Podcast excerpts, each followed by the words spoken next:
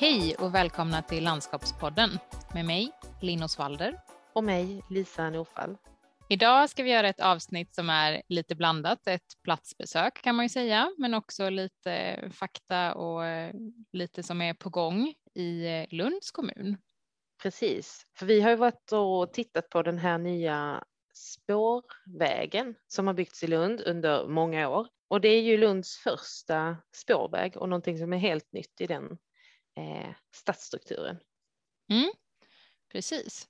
Och vi har då teståkt eh, själva spårvagnssträckan, för det är ju just en linje som eh, finns här då mellan Lund central och eh, det nya stadsdelsområdet eh, Brunnshög, där vi också har då de här eh, stora forskningsanläggningarna, Max 4 och ESS. Och vi har ju då både rört oss längs den här eh, sträckan, men vi har också tittat lite extra på eh, de två torgen som finns. Dels då vid Clemenstorget vid eh, Lund central och vid hållplats Brunnshögstorget så finns det en park som heter Nobelparken. Och jag bor ju här precis utanför Lund och jag har ju följt det här projektet eh, under många år och hört mycket om Brunnshög och spårvägen och det har varit en väldigt aktuell fråga för eh, Lunds kommun och Lunds invånare. Och eh, jag har också stött på liksom spårvagnen sedan den togs i bruk. Eh, jag har åkt den några gånger innan, men framför allt så har man ju sett den liksom när man rör sig på andra sätt i stan och eh, någon gång har jag kört bil och just det här när man kommer till en vanlig korsning som man är van vid och sen helt plötsligt är det ett spårvagnsspår och det är faktiskt vid några tillfällen som jag har känt så här, nej men vänta nu är jag på väg att svänga in från liksom fel håll här mm. och eh, jag har känt av det här att man, man är liksom inte helt van vid att det finns spår i stan om man inte liksom har haft det från början. Mm. Eh, och jag tänker att det där eh, och jag tänker att så kanske det får vara såklart och eh, vi Lundabor kommer ju att lära oss. Men jag såg nu i mellandagarna mellan jul och nyår eh, att det hade varit faktiskt en olycka på den här spårvägen och då var det en bil som hade liksom stått i någon korsning när spårvagnen hade kommit och den hade ringt och varnat men bilen hade inte flyttat sig. Så då, men det var liksom någon slags så försiktig kollision och ingen blev skadad och sådär. Mm. Men eh, det är ju någonting att tänka på ändå, vad som händer när man inför mm. en helt ny struktur. Ja, ja men verkligen. Och jag som är från Göteborg och mer van vid att Precis. ha det här i, i stadsmiljön ser ju kanske på det på ett eh, annat sätt så att man är mer eh, medveten om hur man kanske ska bete sig vid de här typerna av överfarter och kanske inte bli lika osäker. Men, men precis som du säger så det är ju en ganska stor alltså källa till eh, trafiksituationer som uppstår som där det kan bli problem både med cyklister och eh, biltrafik och den, den problematiken finns ju i Göteborg också. Men jag tror att eh, där har man nog sett mycket att vid de här mm, knutpunkterna och platserna där det är mycket trafik som möts så sker det inte heller lika mycket olyckor för att där är folk mer uppmärksamma för att mm. man är medveten om att här är en lite stökig situation. Eh, mm. och det är kanske någonting man måste bara bli inpräntad att jag måste ha koll, jag måste vara uppmärksam när jag rör mig i de här områdena. Ja men precis och jag tror Lunds kommun har ju såklart jobbat jättemycket med att titta på det här mm. och eh, det ligger någonting i precis det du säger att det handlar om att, att lyfta blicken och ha koll på att jag måste hålla koll på de andra trafikslagen här oavsett om jag kommer till fots, på cykel, i bil mm. eller eh, på något annat sätt. Ja, och det kan ju vara bra att vara medveten om att man både som gående, cyklist och bilist har väjningsplikt mot eh, spårvagnen. Så att eh, man får se till att vara uppmärksam där och lära sig att eh, notera hur en spårvagnsöverfart ser ut också. Mm. För att eh, just den här igenkänningen, att här är någonting att vara uppmärksam på och jag måste vara lite extra noga. Ja, precis. Och eh, om vi börjar vår resa då inne i den centrala stationen mm. som alltså är, heter Lund C och den ligger på Clemenstorget som ligger eh, bredvid Lunds centralstation, eh, en bit ifrån tågstationen och busstationen och sådär. Och det är där spårvagnen eh, börja sin resa Mm. ut mot Brunnshög. Och det är ju ett eh, gammalt torg eh, som eh, väldigt karaktäristiskt med hamlade plataner och lite inslag av eh, hamlade lindar också. Eh, och det är omgärdat av bebyggelse och mot ena sidan då lite mer öppet mot centralstationens eh, sida. Mm.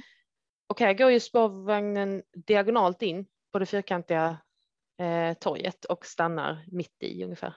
Mm. Och det här är ju torg som jag har eh, känt sedan barnsben. Eh, Mm. Och jag tänkte på det när jag var här och, och tittade nu med eh, landskapsarkitektögonen. Så tänkte jag, jag kommer knappt ihåg hur det såg ut innan. För att Nej. det känns som samma torg, tycker jag.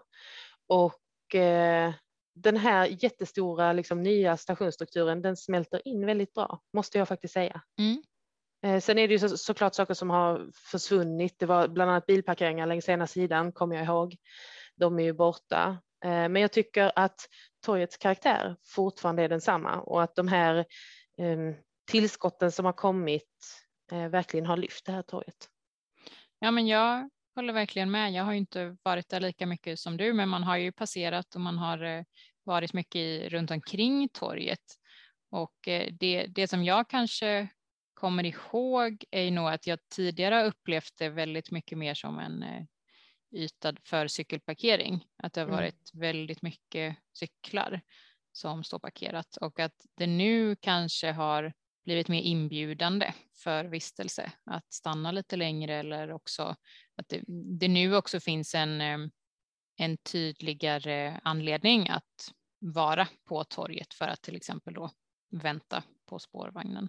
Så Mm. att det kanske är lite mer folk som, eh, som vistas på torget nu än tidigare. Är det något du Ja, tänker för att det är ju, kan stämma? alltså de här eh, platanerna och lindarna Mm. är ju kvar, många av dem. Eh, En del har ju fått tas bort just där eh, spårvägen har kommit in. Mm. Eh, Men de är kvar och under eh, de här träden så har man då anlagt eh, grusytor. Alltså en del av de här var då grusade sedan innan, men man har lagt på nytt sånt här väldigt eh, gulaktigt Ja. grus. Det kommer jag ihåg att jag såg. Eh, och sen har man också liksom ny stenbeläggning och sådär. Men det här lite gulaktiga gruset, eh, det tyckte jag påminde lite om hur det kan se ut i Paris. Alltså jag fick den här Mm. känslan just under eh, sådana här alléer och så är det liksom det här gula gruset och lite härliga stolar att sitta på och sådär. Mm. Och eh, jag funderar på om det är kanske lite så man har tänkt. Och just den där karaktären blir ju väldigt eh, hängvänlig. Alltså den bjuder in Mm. till att man liksom kan stanna och vänta. Och eh, i den här, eh, det här gruset så har man ju också gjort tre stycken små lekhus, Mm. Eh, små paviljonger ser det ut som och de är ju inspirerade av de tre tornen på hörnorna på husen som omger Clemenstorget. Mm. Så om man blickar upp så ser man att ja, men där är en sån kupoltorn på ena hörnet och på det andra hörnet så är det ett svetsigt torn och Mm. eh, man plockar ner färgen också. Och de var ju väldigt, väldigt gulliga. Sen är det klart att man kanske inte leker så jättemycket här, men det finns ju barn som väntar eller som uppehåller sig och eh, jag tyckte de var väldigt snygga att titta på. Verkligen. Och jag, jag tycker det var en jättefin beskrivning som jag verkligen håller med om det här du säger att det här lite franska känslan av att eh, bara lite den här nästan lite magiska känslan eh, att liksom Mm. härlig belysning, det är lite det är storstad men ändå avslappnat och att de här materialvalen och färgerna verkligen bidrar till ett, eh, ett lugn och lite som en oas där mitt i eh, rusningstrafiken ändå. Ja, och det, fast det här var en väldigt grå januaridag så kände jag liksom att jag kunde se att jag tar fram liksom mitt lilla bollset Mm, och börjar spela boll på de här grusytorna. Det Mm. var den känslan. Och de här fina eh, möblerna, metallmöblerna i olika nyanser av grönt, blått, eh, lite lila. ehm, som, de var inte flyttbara men det var, såg ut som stolar och solstolar som var utplacerade lite eh, sporadiskt. Men mm. jag, jag, var framme och kände på dem och de gick inte att flytta på. Nej. Vilket kanske är en eh, förutsättning också i den här typen Absolut, jag tror att de inte hade fått vara kvar mm. om de hade gått att flytta på helt. Eller då hade de varit tvungna att vara eh, tunga på något sätt. Ja. Och som komplement till eh, trädkronorna då, de här hamlade, knuthamlade trädkronorna så fanns det de här, vad ska vi kalla dem, soltaken, regntaken. Mm. Eh, runda sådana i lite spetsinspirerat mönster och på olika höjder som står och eh, ger liksom lite tak och lite skydd. Och på kvällen så tändes ju de också. Och, eh, eller det tändes ovanför dem ska jag säga och de gav liksom en, ett mönster på marken. Och de eh, bidrog ju också lite till den här sirliga känslan och kanske liksom eh, som att solen, ljuset kunde sprida sig från trädkronor och neråt. Det blev lite samma känsla. Ja, och de träd som stod kvar i stenläggningen, de hade ju ett trägaller av kortenstål som hade samma eh, mönster i sig, det här som jag kallar spetsaktiga mönstret eh, mm. runt trädet. Så den karaktären återkom där. Och även runt träden där så var det det här gula gruset. Och de här materialen, just granitstenen, gatsten, det här kortenstålet, det återkom ju på de andra stationerna också.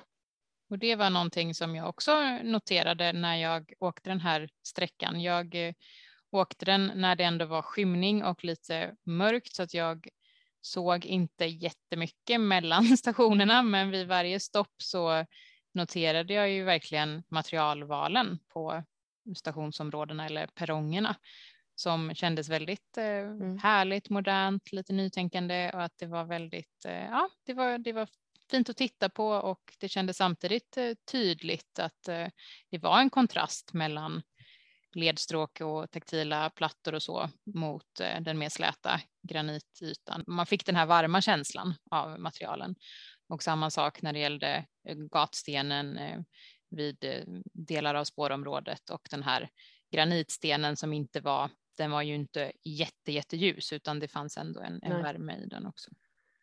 Ja, och jag tänker att de materialen som har varit på Clemenstorg till exempel innan är ju framförallt granitgatsten som är ganska mörk, eh, mörkgrå mm. och det var fint att de fortsatte på det. Mm. Och fasaderna runt Clemenstorget är ju väldigt präglade av tegel i olika mm. nyanser.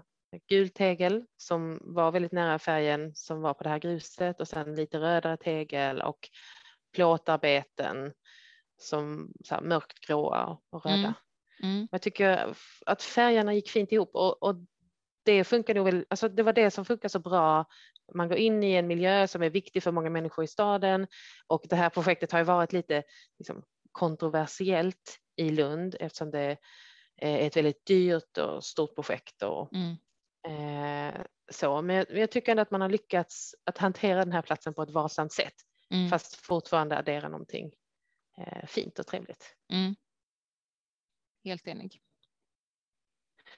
Sen eh, såg vi ju de här eh, busskurerna som vi känner igen från projektet Lomma station, mm. alltså just Skånetrafikens nya eh, utformning av sådana här väntkurer som är väldigt som känns väldigt genomtänkt och eh, har en snygg utformning. Alltså det är verkligen inte att man tänker att det är en vanlig busskur. Nej. Den är liksom mörkgrå och så går mm. den upp i eh, en liten båge och har ett tak med eh, sedum. Mm. Ja. Och sen ett innertak som är då eh, i trä med liksom belysning infällt. Mm. Eh, väldigt fint och det var ju samma eh, busskurer längs hela sträckan. Exakt. Och jag, jag stod ju och väntade på spårvagnen uppe vid eh, Brunshögstorget då och där eh, tänkte jag också mm. mycket på det att det var väldigt eh, öppet att stå där eh, samtidigt som jag kände att jag fick skydd från snön som föll just då. Men att det var väldigt ljust och varmt och ja, jag kände mig ändå väldigt trygg med att stå där och, och vänta. Det var liksom inte ja. den här alltför omslutande känslan utan det fanns utrymme och man behövde inte trängas. Nej precis och det ger ju väderskydd den här Mm. kuren men den är ju, alltså dels är den ganska hög i Mm. taket och sen har den ju en helt öppen sida, alltså man behöver aldrig känna att man liksom behöver trängas med någon eller eh, väldigt lös och ledig. Ja, och jag tycker också att ljussättningen i taket där som du nämnde, den, eh, den känns också mer som en effektbelysning som också ska göra ett trevligt intryck än att bara vara en, en funktionsbelysning. Mm. Den, den kändes varm och inbjudande och eh, fin att titta på. Mm. Mm. Ska vi eh, lämna Clemenstorget då och eh, röra oss längs med spårvägen lite här då? uppåt mot Absolut. Brunshög. Vi kan ju nämna också att vi har inte åkt riktigt hela sträckan här nu då, utan själva spåret eh, består ju av eh, nio hållplatser, där den första då är Lund central. Sen går den upp mot eh, Universitetssjukhuset, LTH, Ideontorget, Telefonplan, Solbjer, Brunshögstorget och sen då vidare till Max 4 och ESS som är de här forskningsanläggningarna, internationella sådana. Och ehm, själva sträckan i sig är cirka 5,5 kilometer lång med ett dubbelspår då. Och det tar 14,5 minut att ta sig från Lund central till ESS. Och eh, kapaciteten är då ungefär 200 resenärer med 40 stycken sittande platser. Och de här spårvagnarna de drivs av grön el och eh, jag läste också att de har en, en teknik då för att återvinna bromsenergi. Det lät ju lite spännande. Och jag tror att Lund kommun har sju stycken spårvagnar. Jag tror inte att alla kanske riktigt är i bruk ännu, men att det ska vara sju stycken vagnar som eh, åker längs den här sträckan helt enkelt. Då. Eh, så att det är så situationen ser ut där. Ja, och just nu går det väl eh, tre turer i timmen ungefär. Ja, det kanske det var. Eller till och med att de gick varje kvart eller något tror jag va? Så kanske fyra turer i timmen. Så kanske lite olika beroende på, på tid på dygnet också. Såklart. Och eh, alltså själva spårvägen eh, inne i stan nere vid Clemenstorget där så är det ju gatsten, den här granitgatstenen mm. som är liksom mellan eller på spårområdet. Mm.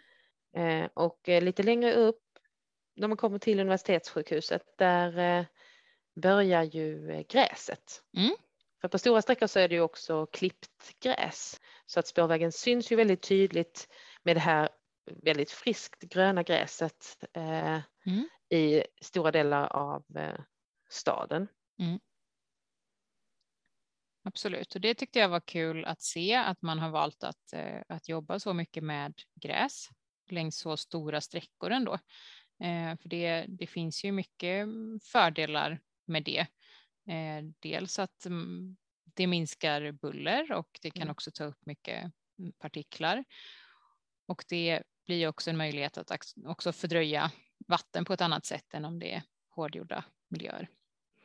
Sen blir det också en, eh, en kontrast mot omgivande gator och eh, cykelbanor och gångvägar runt omkring som också Mm. kanske kan bidra till eh, att man uppmärksammar den mer. Men, men där tror jag att det finns olika tankar kring det, eh, om det.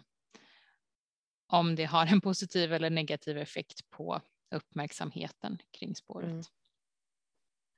Och eh, det där att ha gräs på själva spårområdet det är vanligt eh, på lite andra ställen i Europa. Mm. Men det som jag funderar på är ju hur det där kommer att åldras. Alltså Ja. jag är ju rädd att det där gräset ska liksom bli smutsigt och se skräpigt ut och sådär. Mm. Men det såg ju väldigt fint nu, ut nu. Har, Mm. Den här spårvägen har varit i bruk i över ett år och Mm. det var liksom som jag sa friskt grönt och eh, kortklippt och Mm. fint. Men jag har ju bilden av du vet sådana här refuger i biltrafik som Mm. ibland kan bli jätteskräpiga och fula för vi har ju slaskiga vintrar här nere. Ja. Men jag hoppas att de håller sig fina och att de kan skötas på, på ett bra sätt. Mm.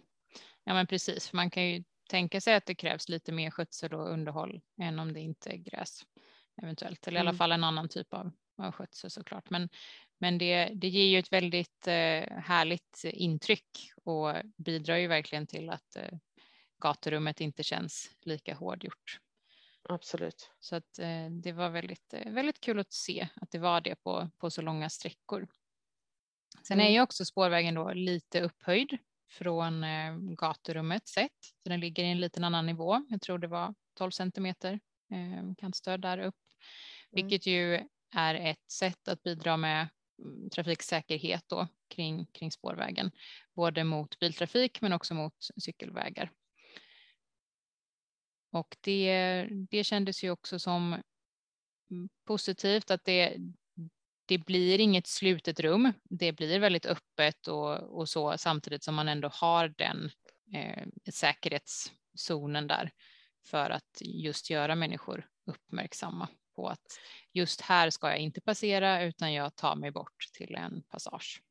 Ja, precis, för det var ju verkligen, det var inga staket eller eh, sådana strukturer alls vad jag Nej. såg faktiskt, utan det är den här lilla höjdskillnaden som du säger som gör att det tar stopp eller att man i alla fall tänker efter vad man är på väg in på för område. Mm.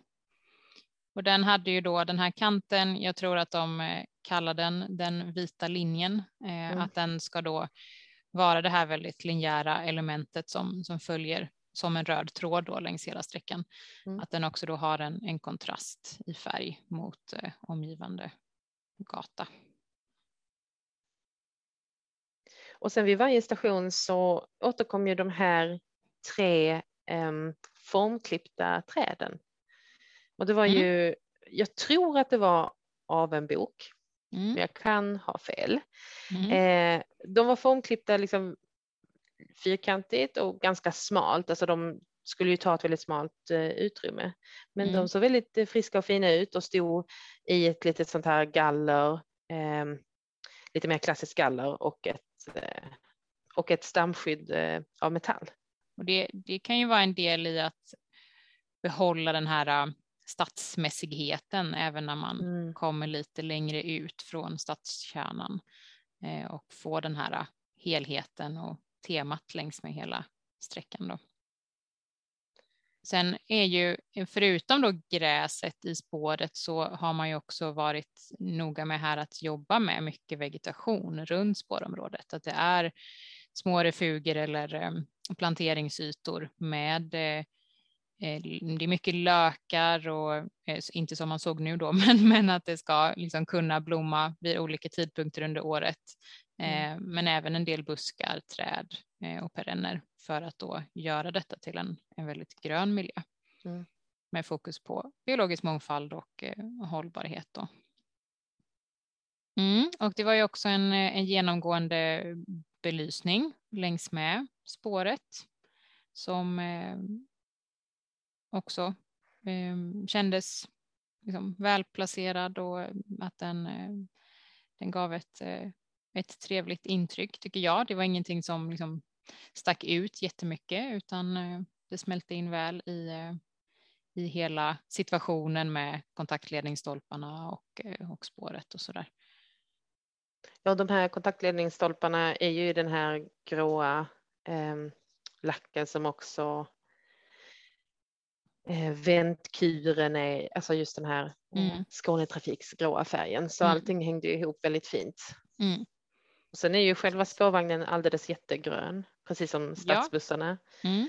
är i Skånetrafikens mm. trafikområde. Men ehm, ja, den stack ju ut. Ja, men det gör den ju, precis. Sen eh, bara jag tänkte på nu när jag tittar på en bild här att när man ser själva den här eh, vänt, alltså kurerna vid hållplatserna mm. på lite håll så har de ju lite en form på något sätt av en spårvagn nästan. Alltså man har det där lite rundade Eh, uttrycket det här långsmala.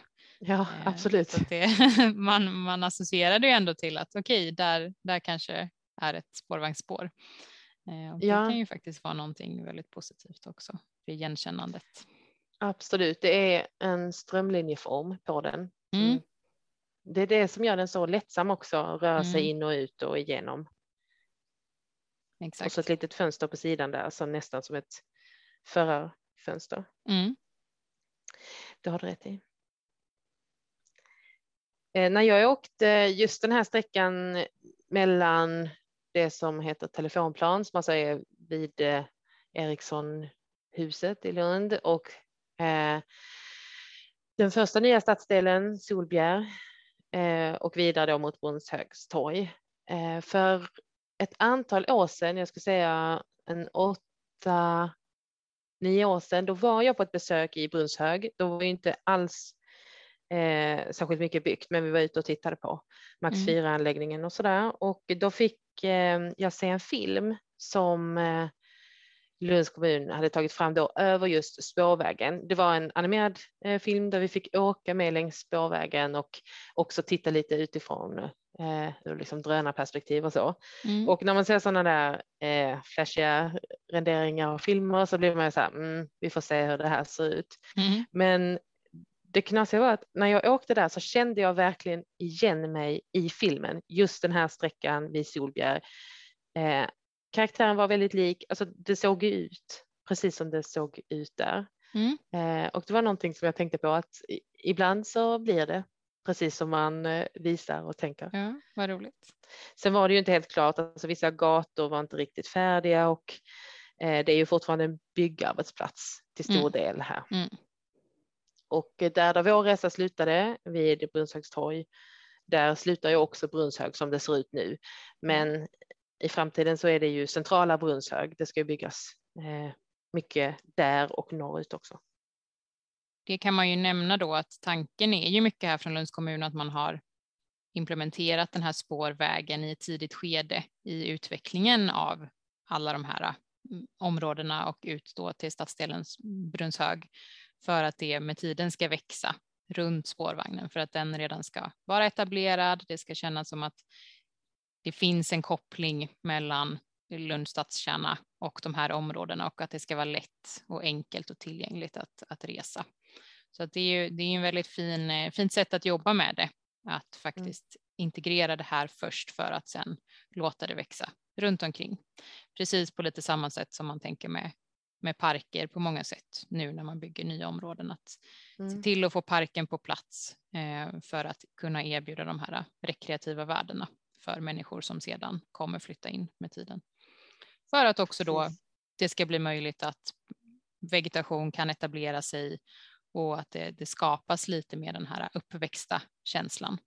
Och lite samma sak kanske man tänker då med, med spårvägen, att den, den blir lite mer etablerad. Man har testat på att åka den och eh, den blir mer en naturlig del i eh, rörelsemönstret i staden.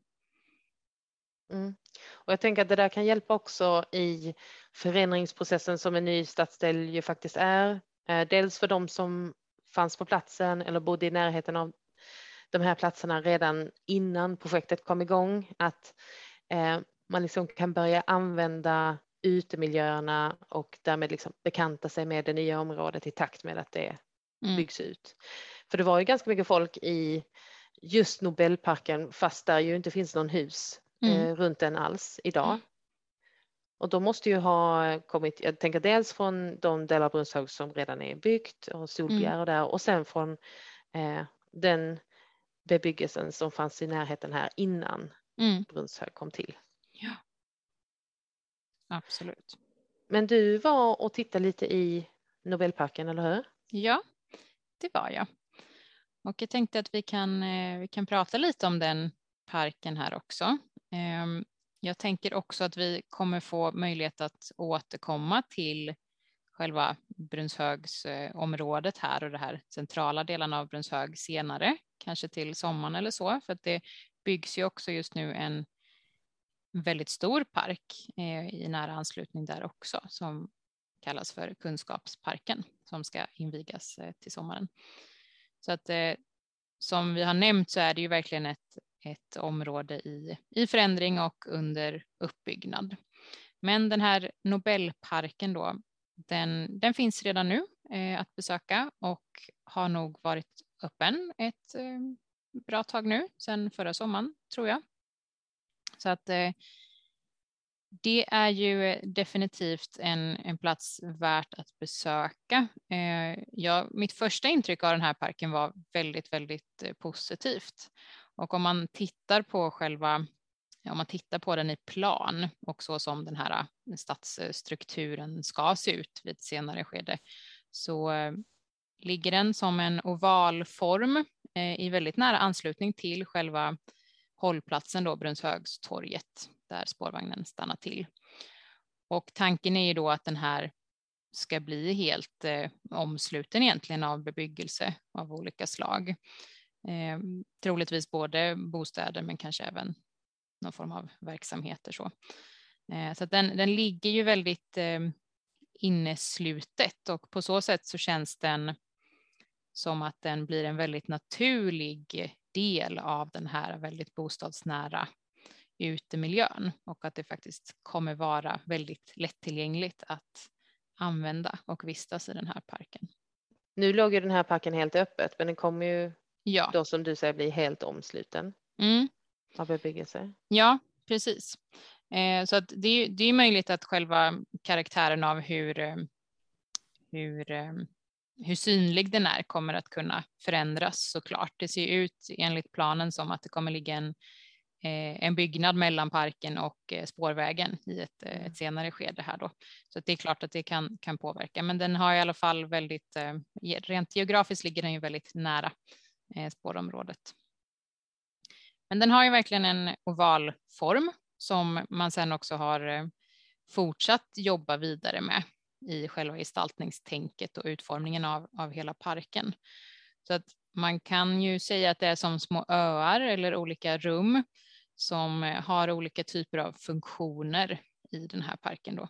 Och de här öarna ligger som ett pärlband kan man säga i ytterkant eller i ytterradie av den här mm. ovalformen då. Medan eh, mittdelen är mer öppen och också då i en lägre nivå.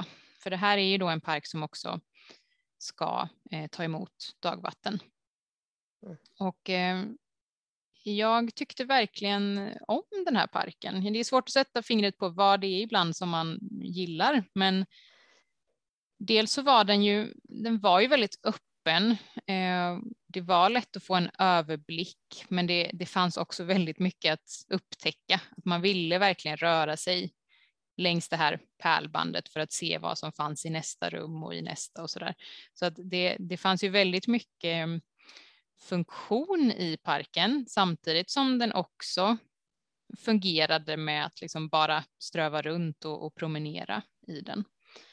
Och de här olika rummen bestod av alltifrån ifrån eh, mycket planteringar med mm, ätbara växter och träd, alltså frukt, nötter och allting sådant som man har satsat väldigt mycket på här, att det ska vara som en, eh, en trädgård att kunna gå och plocka eh, för allmänheten då Eh, äpplen, päron, eh, olika typer av nötter och ja, en väldigt stor variation av, eh, av växtlighet. Det fanns också en väldigt stor sån här multisportyta som man då också hade fortsatt jobba med den här ovalformen när man hade utformat hur man rörde sig in och ut genom den här sportytan och med de här ja, men alltså väggarna på den här sportytan då, de här gallrena och staketet som är runt omkring var också i den här ovalformen då. Sen var det utegym eh, och det fanns eh, olika lekrum som också var väldigt eh, mysiga. Det var ett eh, som skulle vara mer lite skogslikt sådär med lite hyddor och Eh, mycket naturlekredskap och väldigt mycket uppväxtvegetation där också så att det blev lite mer undangömt och lite eh, kojaktigt sådär. Och sen eh, fanns det ju också en stor hundrastgård, eh, vilket jag uppskattade då såklart. Jag var där med hunden också och kunde släppa in honom där. Och det måste jag säga att det kändes också väldigt eh, trevligt att den var så integrerad i parken, att det var inte så att den låg längst ut i ytterområdet eller så, utan den var verkligen mitt i och det kändes som att det var väldigt naturligt att ha hunden med sig och Och där fanns det också mycket vegetation, det var en kuperade gårdar och det var också möjlighet att eh, stänga av så att eh, det var två olika delar av den här hundrastgården mm. då ifall man inte ville att hundarna skulle springa tillsammans och så. Så att eh, den delen kändes också väldigt, väldigt härlig och väl placerad i, i parken där man kände sig välkommen med hund helt enkelt. Fint. Mm. Och sen eh, var det lite mer rum som var som små trädgårdsytor som var omslutna av staket och man kunde gå in och sätta sig och eh, troligtvis under våren och, och sommaren också titta på väldigt mycket vacker blomning. Så att de här rummen runt omkring hade ju, det kändes som att det fanns lite någonting för alla här faktiskt så att man kunde välja lite var man, var man ville befinna sig i parken men samtidigt ha väldigt god överblick. Mittendelen av parken då som jag nämnde var ju mer öppen, lite lägre och eh, främst då en stor eh, gräsyta. Och den kan ju då ta emot vatten från omliggande hårdgjorda ytor och, och gator.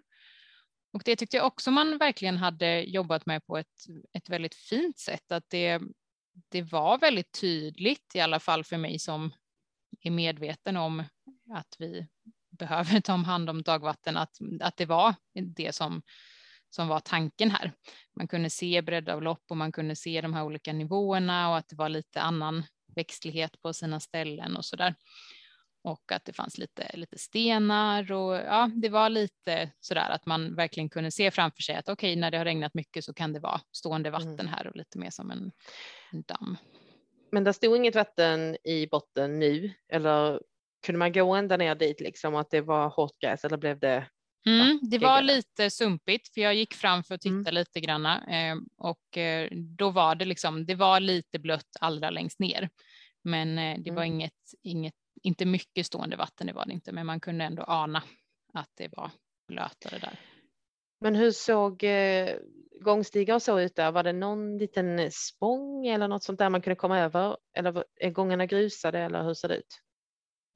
Ja, alltså när jag var där så var det med snö på marken så att jag måste säga att jag är lite osäker på vad det var för material på själva gångarna runt gräsytan, men jag tror att det var stenmjöl eller grus som man gick på. Mm. Men sen på själva den här mittendelen av hela parken så var det ju inget gångsystem utan där var ju gräs hela mm. ytan. Däremot så kunde man ju då på sina ställen eh, ta sig ner från gångstråken via lite trappor till små trädäck där man mm. då faktiskt kunde sitta och blicka ut över eh, gräsytorna. Så att det fanns ju lite olika eh, nivåer där för att man också skulle kunna komma närmre vattnet. Eh, och det var också väldigt fint tycker jag och det smälte in väldigt bra och det tillgängliggjorde ju att man faktiskt kunde komma, komma nära gräsytorna och det här lite mer våta så att man, man, fick ju ändå känslan av det här lite våtmarksaktiga och det var lite högre gräs just i den här lägsta delen också. Mm. Sen var det också då en, en stödmur kan man ju säga att det är då längs med det här gångstråket som möter då den lägre ytan. Och den var ju sådana här gabioner eh, fyllda mm. med sprängsten, vilket också passade väldigt eh, väl in tycker jag. Det blev det här naturliga intrycket, väldigt lugna, harmoniska, ingenting som eh, skilde sig jättemycket i eh, utseende mot eh, omgivningarna. Och de eh, smälte också väldigt fint in med en eh, böljande form som också efter ett tag då eh, minskade i visning och mötte marken på ett fint sätt. Jag kan visa dig en bild här på så mycket vatten som man kunde se nu då på den allra lägsta. Mm. Så det var ju ändå en liten vattenyta. Men, ja men det är det ju absolut. Mm. Fint. Vad såg du av användning och så där? Var det mycket folk på plats just när du var där? Nej, det var det ju inte, men detta var ju också 23 december eh, eftermiddag, så att jag tror inte att det var jättemånga som var ute just då. Men absolut att det fanns ett, eh, ett par personer som var ute och, och gick eh, eller eh, gick med hunden och så. Så mm. det, det, såg ändå ut som att det fanns ju en, eh, en användning av de som faktiskt eh, rör sig i området och bor där redan nu då. Så att den, det känns ju som att det är en, en uppskattad eh, närområdespark nu då. Mm. Och i och med att det inte finns någon bebyggelse precis runt parken så är det ju så att de som kommer dit, de kanske, alltså man har en liten promenad dit och så och då mm. gör man kanske det en söndag när man har lite tid och skapar en liten utflykt i sitt närområde. Ja. Ehm, säkert. Ja, och jag har ju tagit lite kort här och även eh, försökte mig på en, en film för att visa liksom hur det såg ut i hela parken om man stod i mitten och har gjort en, eh, en liksom loop runt hela parken. Så jag tänker att det kan vi lägga ut på Instagram också för att man ska få en liten uppfattning av den. Men det var faktiskt också väldigt trevligt just att det var mycket belysning för det började skymma när jag skulle åka därifrån och då precis när jag skulle ta mig därifrån så också tändes allting upp och det var mm. också jättekul att få se. Och till exempel så var det ju ett ehm, en yta eller en sån här ö som då hade hängande belysning i luften som ett tak med mm. lyktor då. Så att det, det gjorde också att det blev väldigt stämningsfullt och att det kändes som att ah, men här, här vill man ju verkligen också vistas under kvällstid för att det blev väldigt eh, harmonisk eh, belysning och väldigt, väldigt fint bara nu när jag var där under liksom vintern och eh, med det, det tunna snötäcket som låg på marken och så. Mm. Så att mycket belysning var det. Det var mycket vegetation och som sagt, det kommer ju såklart ta ett tag innan allt är, är liksom uppväxt till det som man tänker att eh, slutresultatet ska vara såklart. Men det finns ju väldigt stor potential för den här parken att utvecklas och den är ju också så pass stor att det finns ju möjlighet för vegetationen att, eh, att växa till sig och få ta plats, tänker jag. Det enda jag egentligen noterade som jag funderade lite på, det var att det var ett rum då som var mer eh, ska man säga, mer traditionell lek, alltså med lekredskap då, som var lite sådana här, ähm, ja men alltså, vad säger man, lek, ähm, lekhus där man kunde klättra upp och så åka rutschkana ner och lite sånt där. Och de, de var ju också av det här väldigt ähm, naturliga uttrycket då med, med trä och så och stålrutschkanor äh, och så. Och jag, jag gillade själva utformningen av den ön, alltså att det var, det var som att eh, Sandytorna var lite nedsänkta och så stod lekredskapen i de här nedsänkta sandytorna och sen mellan dem och runt omkring så var det en träspång som var lite upphöjd då så man kunde röra sig eh, genom de här olika lekredskapen då eh, en liten bit ovanför. Och min spontana tanke då var ju att någonstans så skulle det ju vara en ramp eh, från marknivå då för att man skulle kunna ta sig upp på den här spången.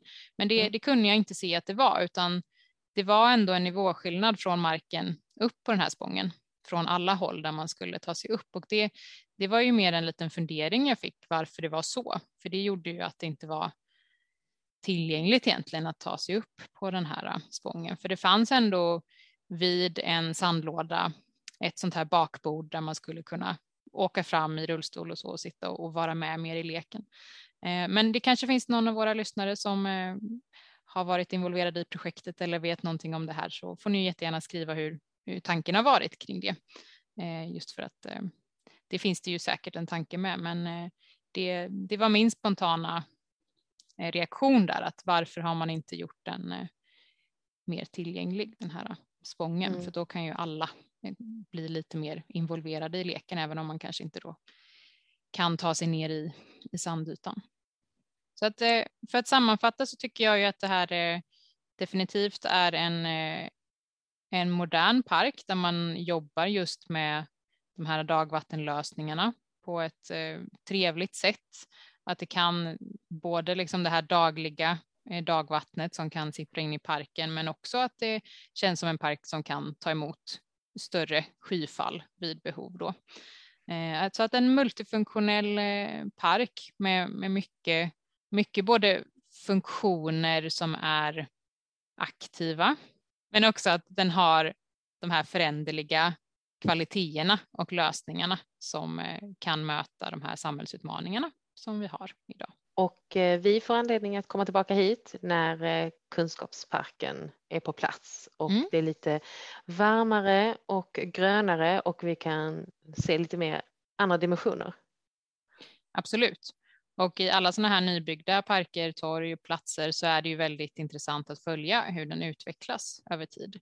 För det är ju alltid mm. en sak när det är ganska så nyanlagt och sen eh, kan man ju mer och mer se hur material, utrustning och så vidare utvecklas och hur hållbart det är och vad som slits och så vidare. Så det, det finns ju absolut anledning att återkomma. Det var ju väldigt kul att titta lite på det här liksom jätteprojektet som ju har pågått under många år och som sitter ihop med dels med byggandet av Brunshög och de här jättestora internationella forskningsanläggningarna, Max 4-laboratoriet och ESS mm. Och eh, jag tycker att det, det, är ju en väldigt trevlig spårväg. Alltså det är på ett sätt sparsmakat och eh, väldigt klassiskt men genomtänkt. Det funkar väl i alla de olika stadsdelar som den här eh, spårvägen går igenom. Och eh, framförallt tyckte jag ju att Clemenstorget, eh, även om det är ganska nedtonat, det är ingen superflashig anläggning, så är den väldigt fin och den passar fint eh, på platsen. Och sen mm. har man de här stationerna som påminner om varandra. Vi vet att vi är längs spårvägen när vi hoppar av på dem. Eh, och sen då den här jättespännande stadsdelen Brunshög. Mm.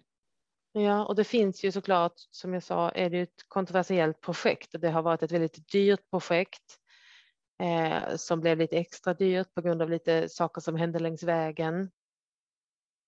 Eh, och det är nog någonting som särskilt då Lunds kommuns invånare eh, har tyckt väldigt olika om.